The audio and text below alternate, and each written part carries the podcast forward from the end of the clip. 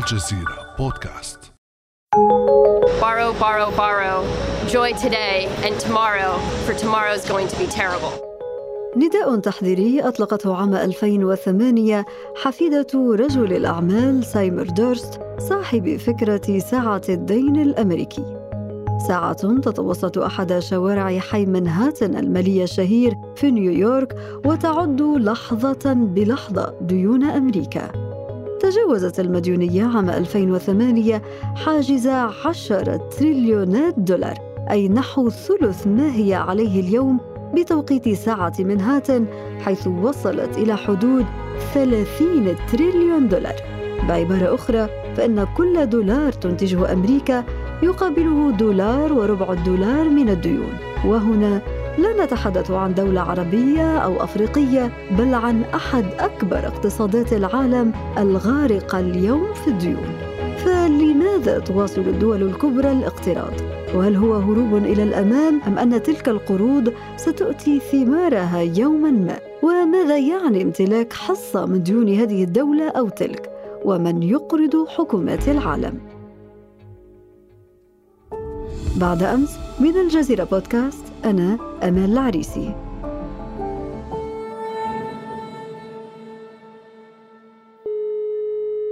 في هذه الحلقة ينضم إلينا من باريس الدكتور كميل الساري أستاذ الاقتصاد والعلاقات الدولية في جامعة السربون. أهلا وسهلا بك دكتور كميل.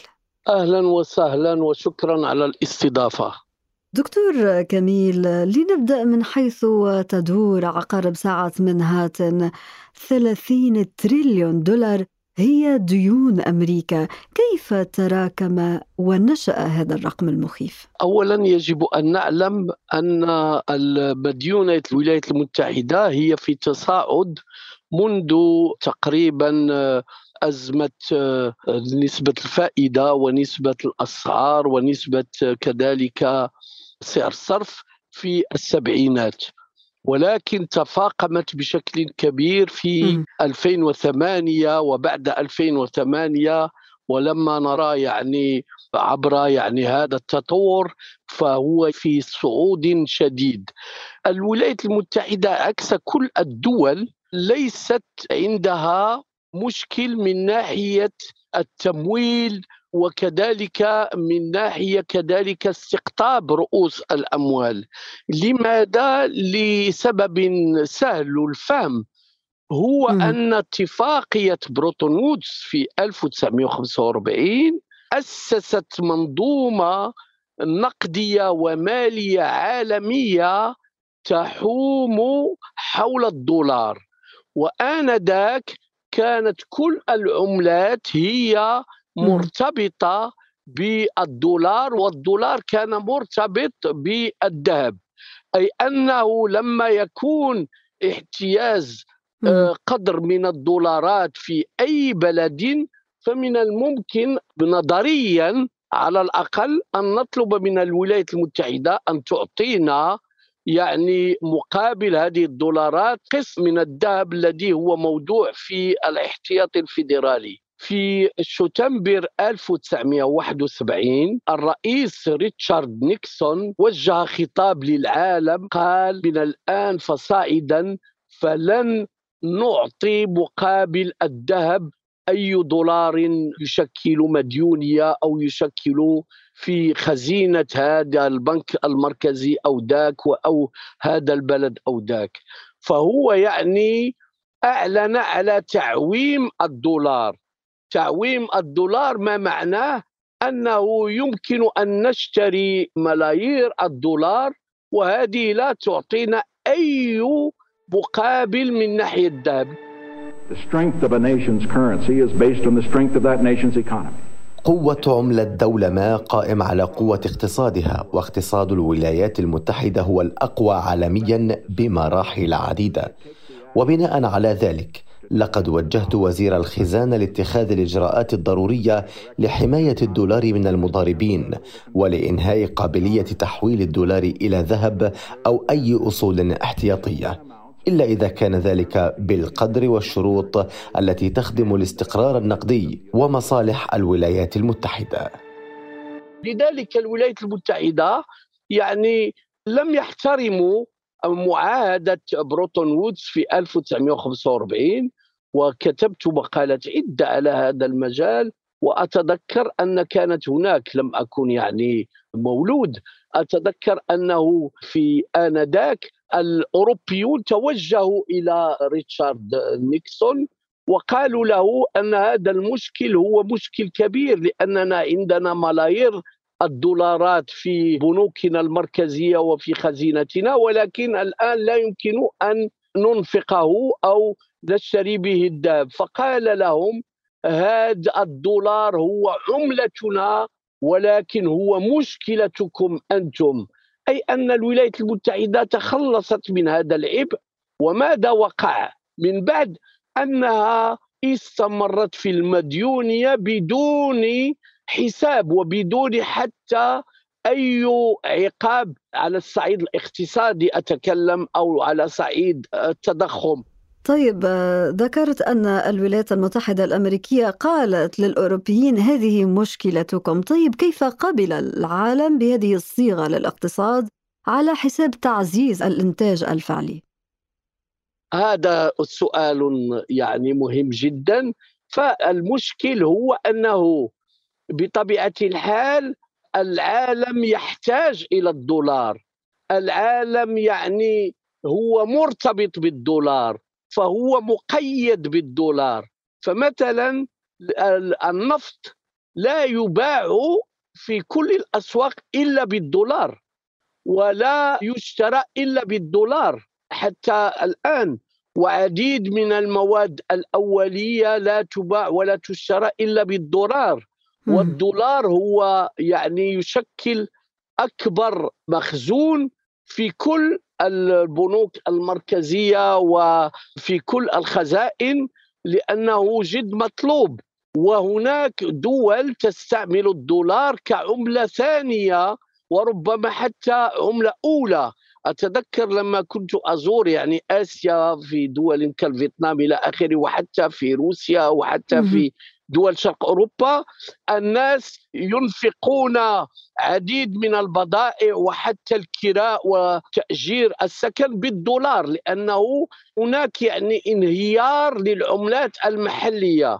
فالدولار أصبح ملجأ وأصبح يعني وهو لا يزال بالرغم من أنه بدأ ينقص في عديد من الخزائن وعديد من البنوك المركزية ولكن هو دائما يشكل الأغلبية ربما 60% ولا أحد لحد الآن يعرف كمية الدولارات التي هي موجودة عالميا. ولكن دكتور كميل ألا يدفعنا ذلك للتساؤل عن بقية الديون الخاصة بالدول الكبرى تحدثنا عن أمريكا عن سلطة الدولار كما ذكرت فما واقع الديون في بقية الدول الكبرى المرتبطة بالدولار؟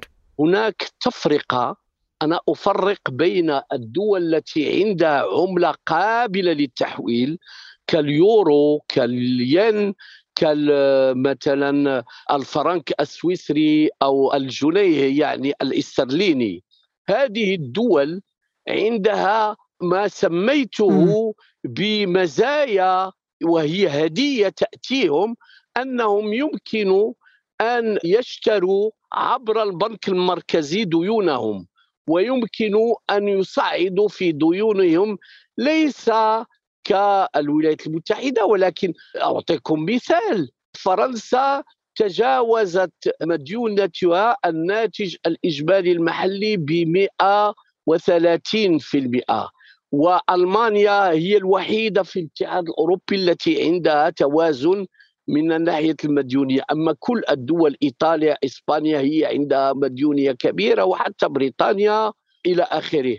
وهذه الدول عكس ما قيل في إبان أزمة 2008 و2011 المشكل ليس مطروح لأن البنك المركزي عنده قدرة لشراء الديون. يمكن أن نؤجل يعني استرجاع هذه الديون على الأجيال الصاعدة. بما أنك تحدثت دكتور كميل عن السداد ربما الوضع مختلف عند الدول الكبرى عندما نتحدث عن الديون المتراكمة على عاتقها المشكلة السداد غير مطروحة في هذه الدول أليس كذلك؟ نعم هي غير مطروحة لأن هناك ميكانيزمات هي معروفة هناك عديد من الوسائل لتسديد الديون إما رفع الضرائب وهذا يشكل مشكل سياسي ومشكل انتخابوي إلى آخره وحتى أزمة في الاقتصاد لأن رفع الضرائب يدخل كاهل المستهلك. وإما يعني الاقتراض وإما خلق أوراق نقدية وهو ما تعمله الدول الأوروبية والولايات المتحدة. أي أنه البنك المركزي يشتري سندات الدول أي أن الدولات تقرض للدولة. فهذه الديون القسط الكبير من المديونية الأمريكية ومن المديونية الأوروبية هي يعني موجودة في البنك المركزي.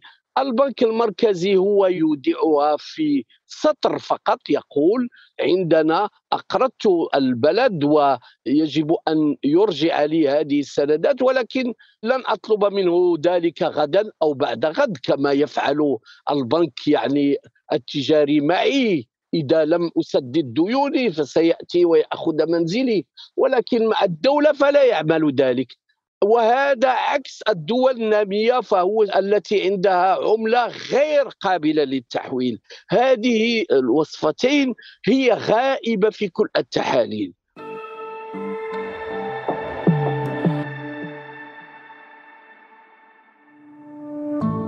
ابقى على تواصل مستمر مع الجزيرة بودكاست ولا تنسى تفعيل زر الاشتراك الموجود على تطبيقك لتصلك الحلقة يومياً.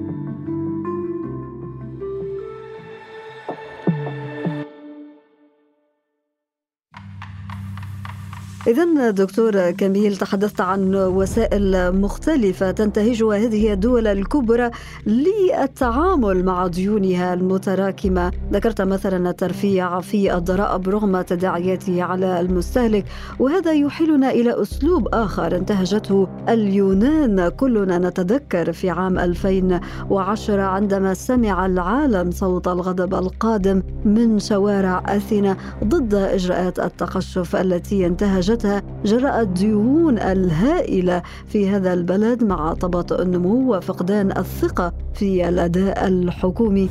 كل هذه الوضعية اجتمعت معها الأزمة المالية العالمية فوجدت اليونان نفسها مجبرة على اتخاذ مثل هذه الحلول القاسية والتي وصلت إلى حد بيع جزر من أرخبيلها الساحر. وبحلول منتصف عام 2015 وأصبحت اليونان أول دولة متقدمة تفشل بدفع مستحقات صندوق النقد الدولي في موعدها المحدد. ذاك وجه جديد لأثينا. لا نرى فيه تماثيل آلهة اليونان القدامى بل بشرا يتظاهرون بغضب في الشوارع وأمام مبنى البرلمان. عشرات الآلاف تدفقوا إلى وسط العاصمة ملبين دعوة إلى الإضراب العام وجهتها النقابات الكبرى في البلاد. ولم يكتف هؤلاء بالإضراب بل سعوا لاقتحام مبنى البرلمان مرارا قبل أن تردهم الشرطة على أعقابهم بقنابل الغاز المسيل للدموع وبالهراوات دكتور كميل هذا الحدث كان فارقا في تاريخ ليس أوروبا فقط وإنما أيضا في تاريخ الاقتصادات العالمية أليس كذلك؟ هناك خطأ فادح ارتكبته السيدة ميركل وألمانيا تجاه اليونان وتبعتها عديد من الدول المشكل خلقت اليونان ويعني تعرض شعبها لتعنيف لا مثيل له في تاريخ أوروبا المعاصرة بحيث كان من الممكن إعادة جدولة استرجاع هذه الأموال. لماذا الآن فرنسا تصل إلى 130% من الناتج الإجمالي المحلي ولا تحترم اتفاقية ماستريتش التي تبقي هذا الرقم على 60% أي أنه لا يمكن أن أن تكون المديونية أكبر من الناتج الإجمالي المحلي. لأن الآن هناك يعني تغير في الإيديولوجيا الألمانية وفي المنظور يعني حتى لأن هذه السياسة فشلت. لا يجب تعنيف البلد لكي يكون هناك تسديد الديون في مدة وجيزة لأن الدولة هي عندها عمر طويل. والآن نعلم أن الدول الأوروبية تحت ضغط يعني الوباء وجائحة كورونا حتى ألمانيا يعني لم تستطع توقيف مديونيتها. لماذا؟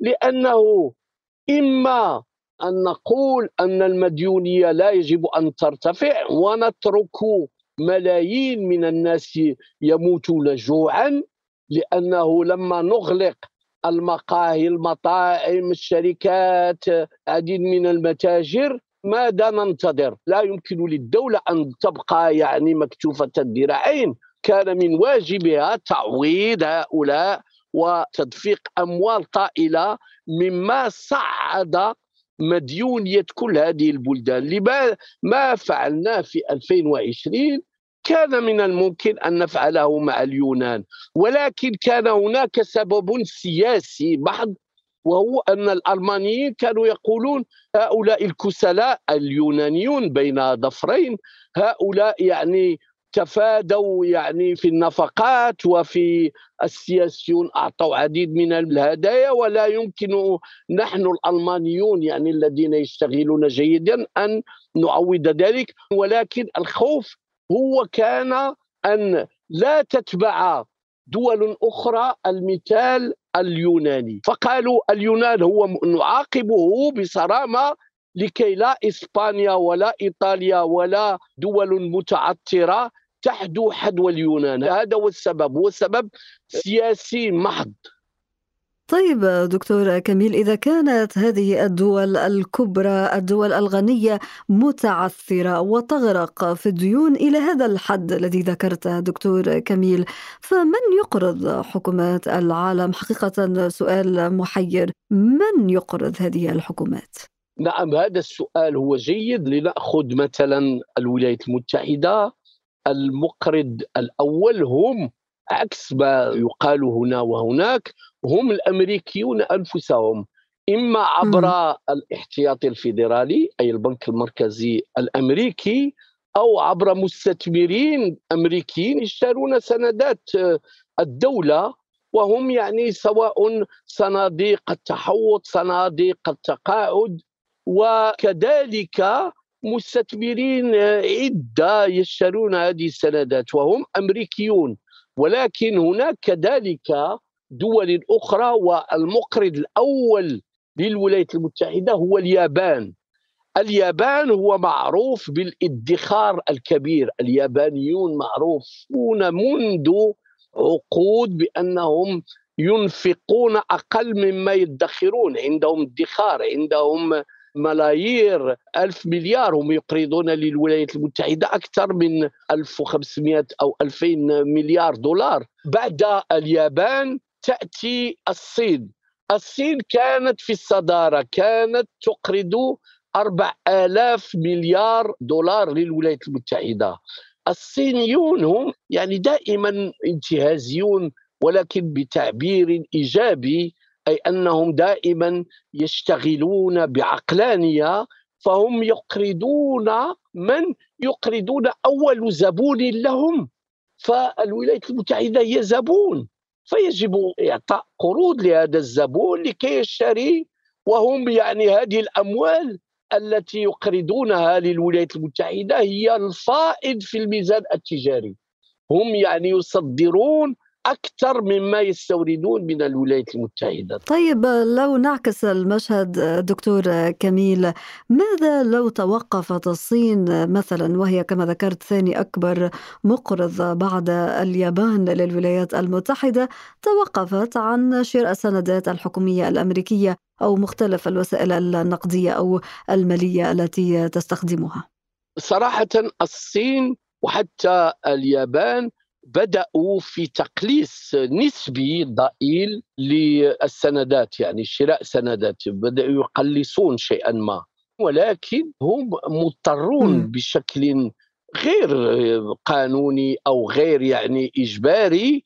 هم مضطرون لأن الولايات المتحدة هي أول زبون والمالية العالمية البورصات العالمية البنوك العالمية هي أمريكية قبل كل شيء. فإذا خلقوا أزمة مع الولايات المتحدة وحتى بعد هذه الحرب التجارية ابان عهدة ترامب.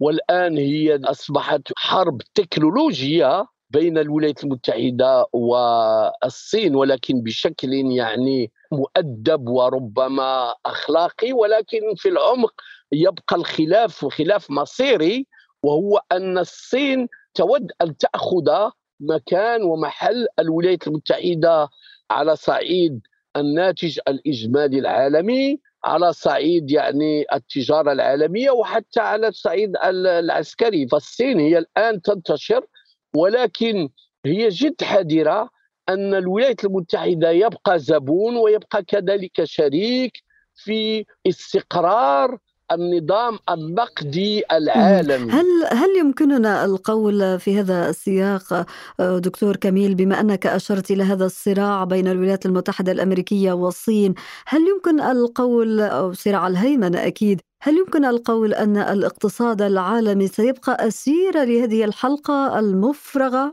أكيد أكيد. فالصراع يعني في هذا القرن سيكون بين الولايات المتحدة والصين. الصين هي القوة الصاعدة. يجب أن نتذكر يعني ملايين من الصينيين يموتون جوعا في الستينات في عهد ماو تسي تونغ والآن أصبحوا يعني يصدرون ويتمركزون في عديد من القارات.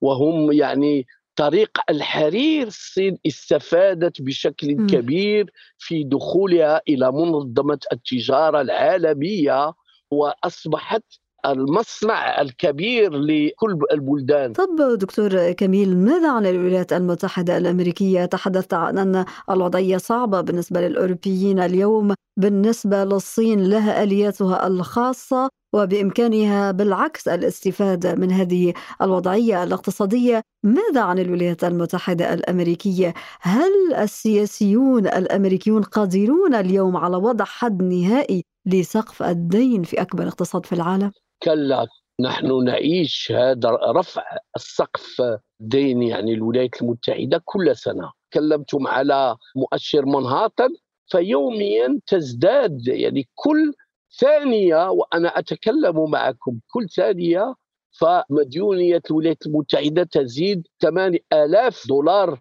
في المديونية في كل ثانية. ولكن كذلك هناك يعني مشروع وبرنامج ضخم للاستثمارات في البنيات التحتية في الولايات المتحدة. هو يعني رقم خيالي 900 مليار دولار فهذا سيثقل كاهل المديونية الأمريكية ولكن ليس عندهم أي اختيار بما أنك أشرت إلى مشروع تحديث البنية التحتية للولايات المتحدة الأمريكية الذي راهن عليه الرئيس الأمريكي جو بايدن في برنامجه الانتخابي قبل توليه رئاسة الولايات المتحدة، هل تعتقد أن هذا سيخرج الدولة من وضعية الارتهان للقطاع الخاص في الولايات المتحدة؟ هناك نظرة جديدة ليس فقط في الولايات المتحدة ولكن على الصعيد العالمي وهي النظرة الكينيزية وهي ضرورة تدخل الدولة ليس بشكل يعني سافر وليس بتعميم إقحام كل الشركات في القطاع العام لا كلا يعني القطاع الخاص يبقى القطاع الخاص ولكن هناك يعني ضرورة تحريك مؤسسات الدولة الاقتصادي على الصعيد الاقتصادي لدعم الاستثمارات ولدعم البحث.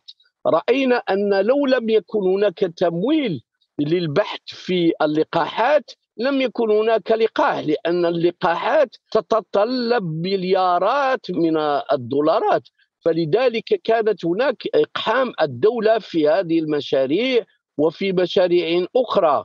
والولايات المتحدة الآن هي في صراع يعني ضد الصين في المجال التكنولوجي فإذا لم تعصرن هذا القطاع وتستمر لأن الآن الصين الولايات المتحدة عندها فائض في ميزان تجاري مع الصين في القطاع التكنولوجي. ولكن هذا التفوق هو ظرفي وفي نظري مؤقت لأن الصينيون بدأوا يعني في اختراعات وكذلك وفي عصرنه كبيرة رايناها مع هواواي. هم الآن أصبحوا من جيل يعني صاعد ومن جيل موفق في هذا المجال.